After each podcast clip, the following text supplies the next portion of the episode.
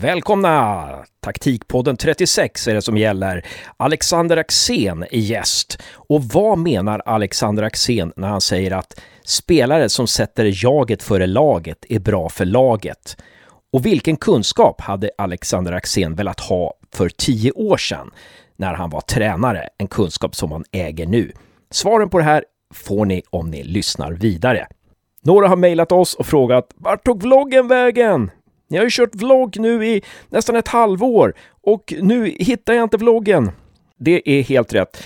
Senaste vloggen som jag utlovade förra veckan, den uteblev. Jag och Josef, vi tyckte att den höll lite väl låg klass. Vi satt och bedömde Expressens getingbetyg i deras eh, fotbollsbilaga. Vi kände att, nah, är det här verkligen ett inslag vi ska ha i taktikpodden? Och det var ju bara ett inslag i väntan på John Walls nästa vlogg. Och det är ju så här att John Wall har flyttat till Malmö nu. Han är, tränar ju LB07 tillsammans med gamle Malmö-tränaren Olof Persson. Och innan John har kommit i ordning där nere så tar vi och pausar vloggen helt enkelt.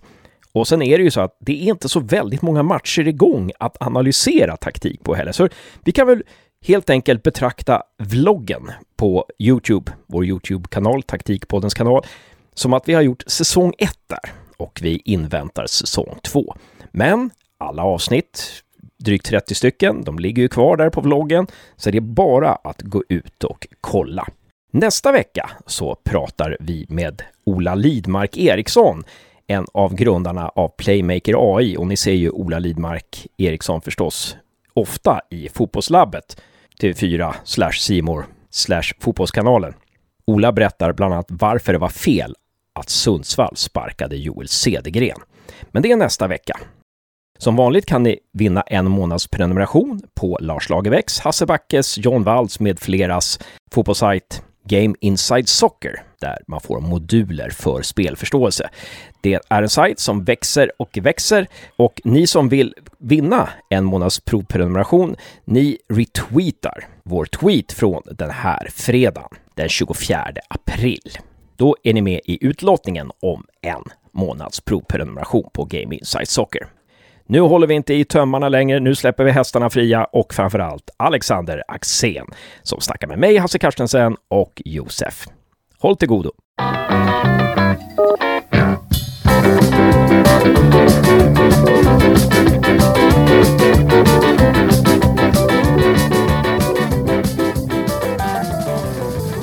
Välkommen till Taktikpodden, Alexander Axén. Tack så jättemycket. Och vi fångar dig mitt i en inspelning och eh, många under den här tiden i april är eh, lite, lite sysslolösa, men du verkar ha fullt upp och det, det gläder oss. Välkommen också Josef. Tack så mycket.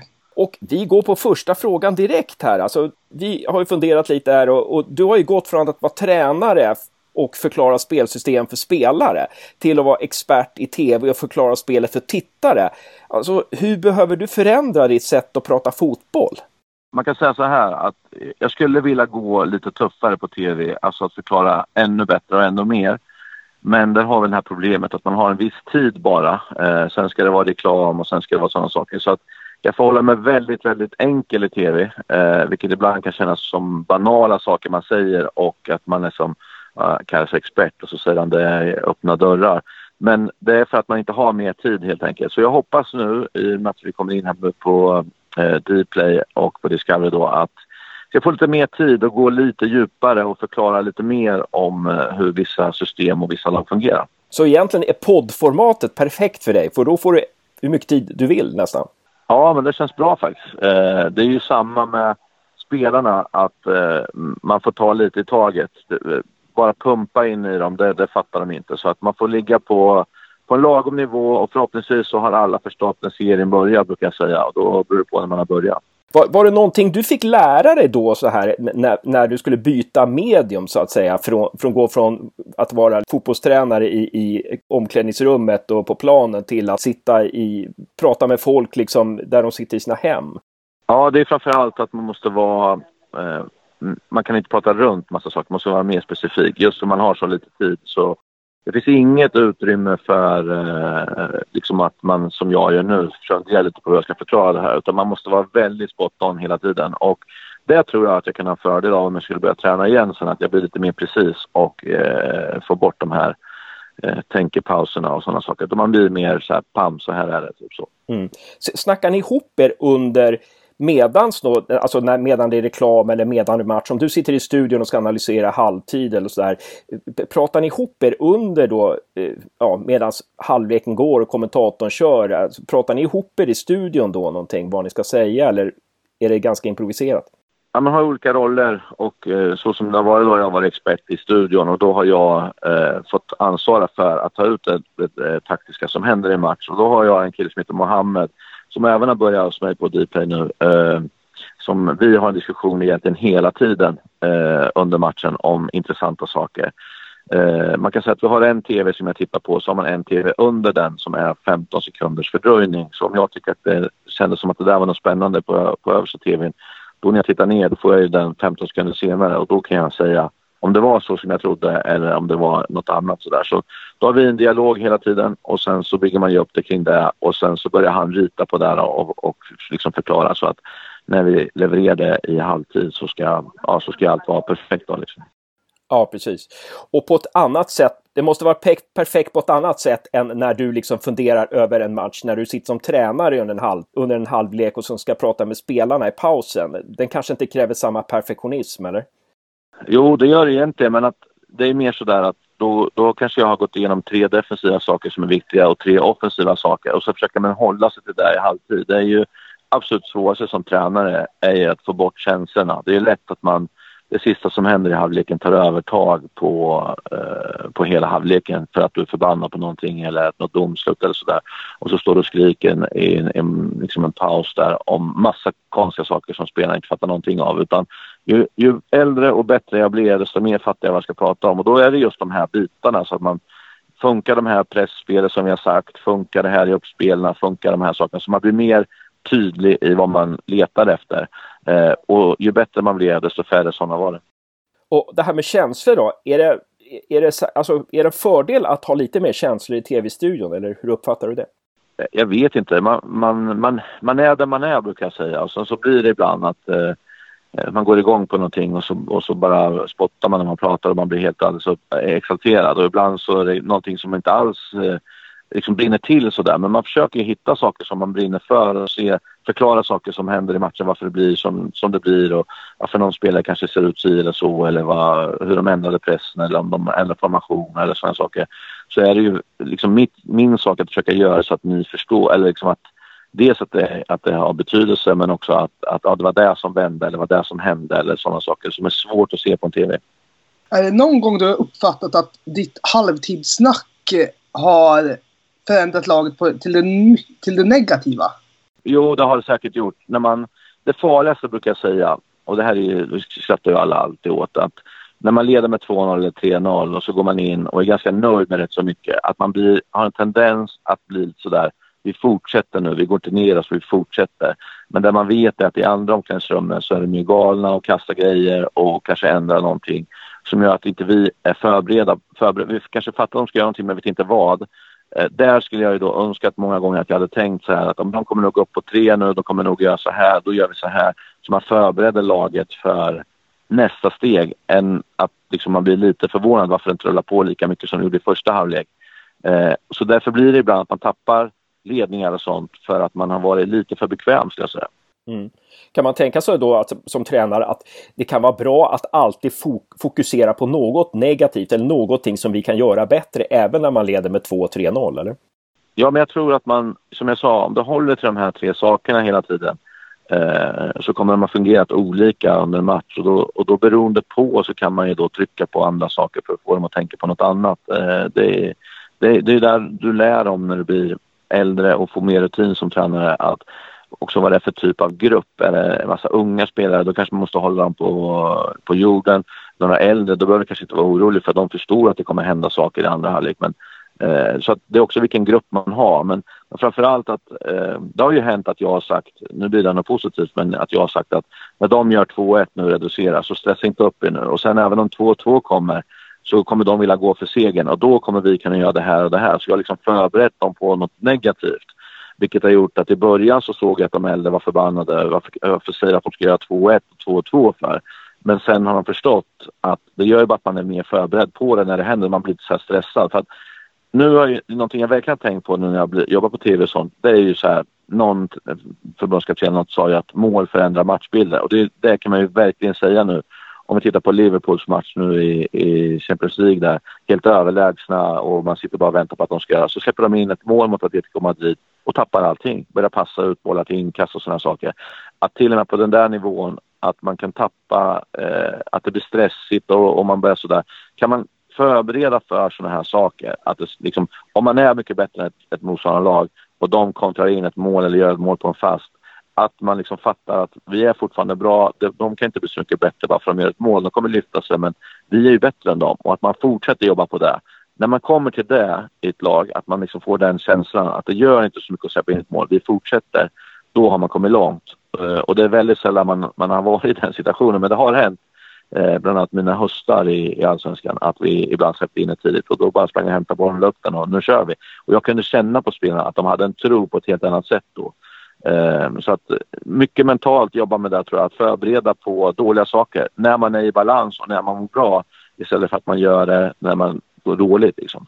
Mm. Om, om vi säger att jag har sju raka förluster och jag säger en sån här sak, då är det klart att det får en annan effekt än om vi har vunnit sju raka. Förstår du vad jag menar? Så det gäller ju att förbereda laget när man är i rätt balans för vad som kan hända. Jag tänker, hur skapar man en sån där effekt? Eh, att, eh, att hela laget tror på det man gör?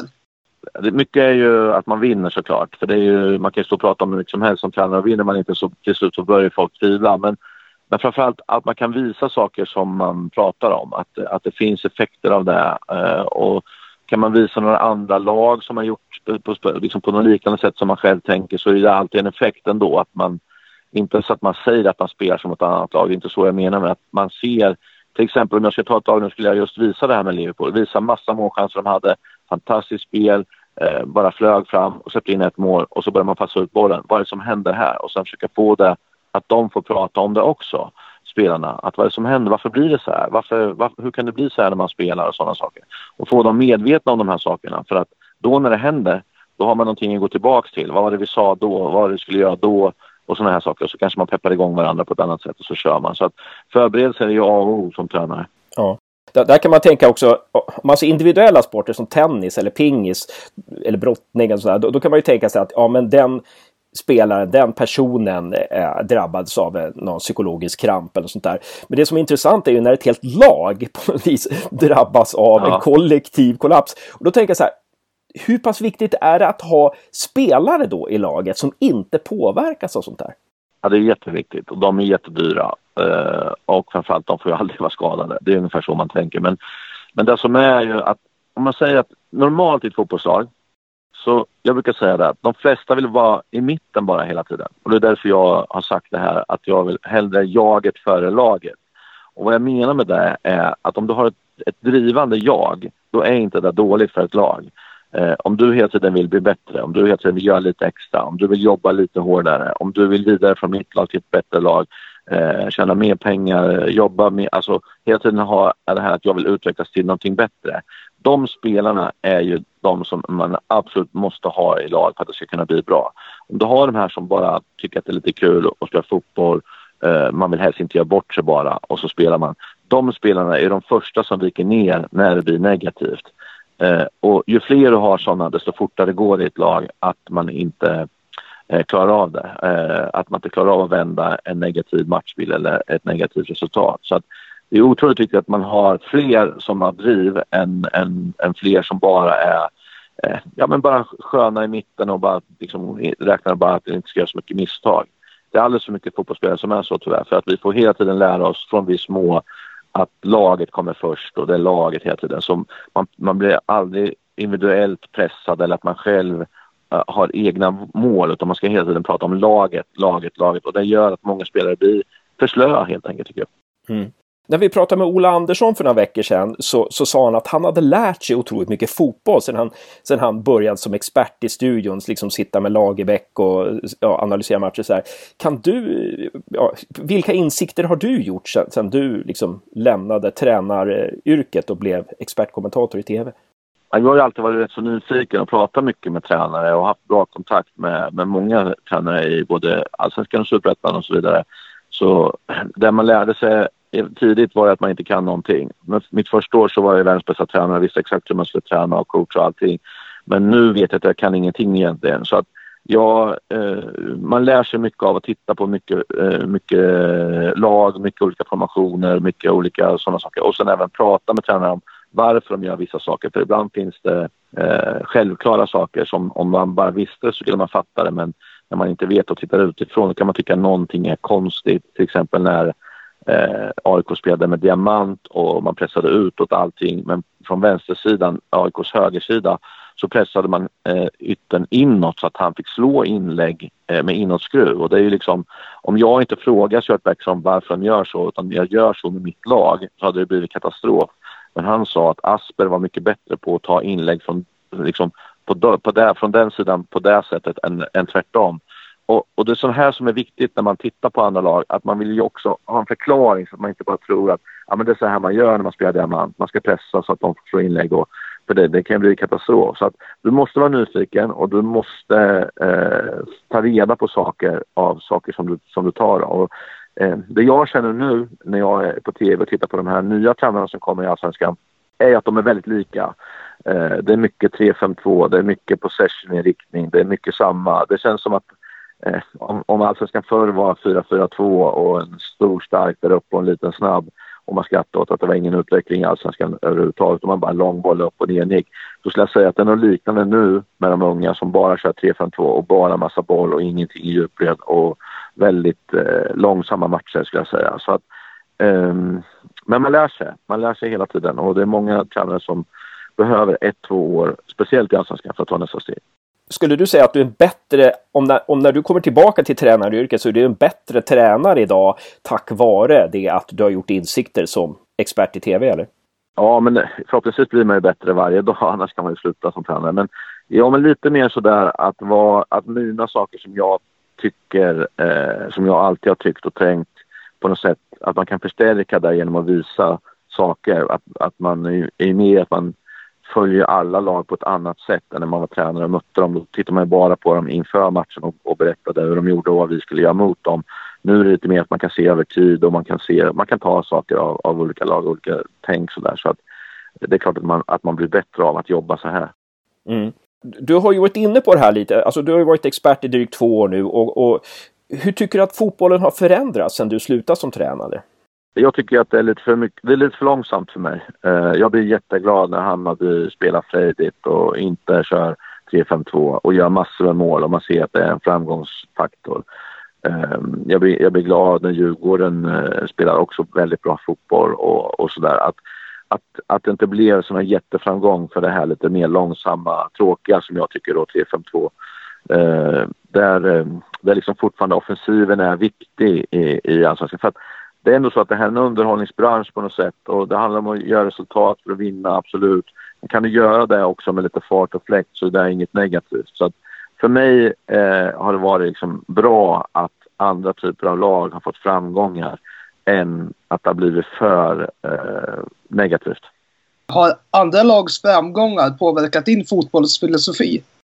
Eh, nej, men jag kan se mycket saker som jag ville jobba med. Eh, att de här lagen också har gjort det, eller gör det, eh, gör ju att jag känner att, att man inte var så fel på det om man säger så.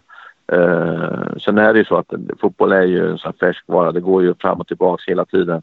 Eh, och man tar saker från varandra och sådär. Men att Häcken är väl de som jag tycker, Peter Gerhardsson, som alltid var i framkant i allsvenskan, vad jag tycker då, i anfallsspel och fart och sådär. Så att Eh, att folk kanske tittar på honom och sen har man tagit det till sitt och så har man heter den, utvecklat det mer och mer och mer och mer och till slut så, så kommer man till det här. Och så att, och jag är också glad att Nanne är tillbaka nu för att han har ju börjat spela så som han gjorde förut och slutat prata om tysk fotboll och sådär. Han, han, han är mer det gamla Kalmar. Jag gillar det jättemycket och jag tycker det är jätteskönt att han är tillbaka.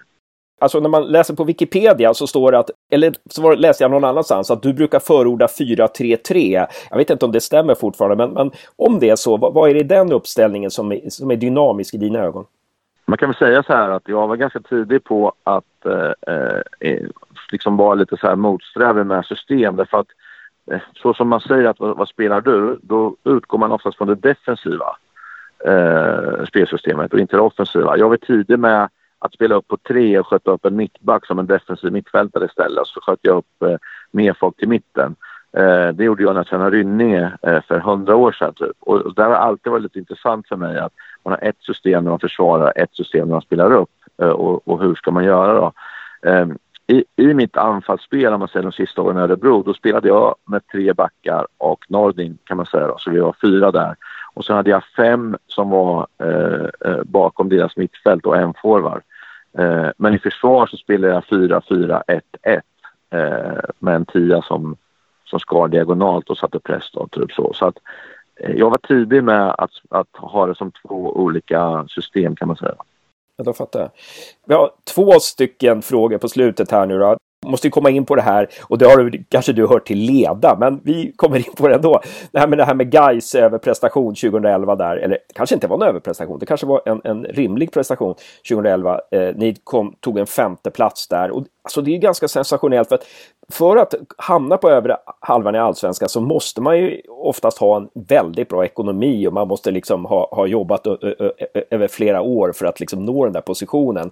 Eh, och eh, finns det någonting som Ja, sen så åkte Gais ur året efter då. Men finns det någonting man kan lära sig av den här Gais överprestation 2011? Liksom, som andra lag kan lära eh, för att etablera sig i Allsvenskan och hamna på övre halvan med ganska begränsad budget och sådär?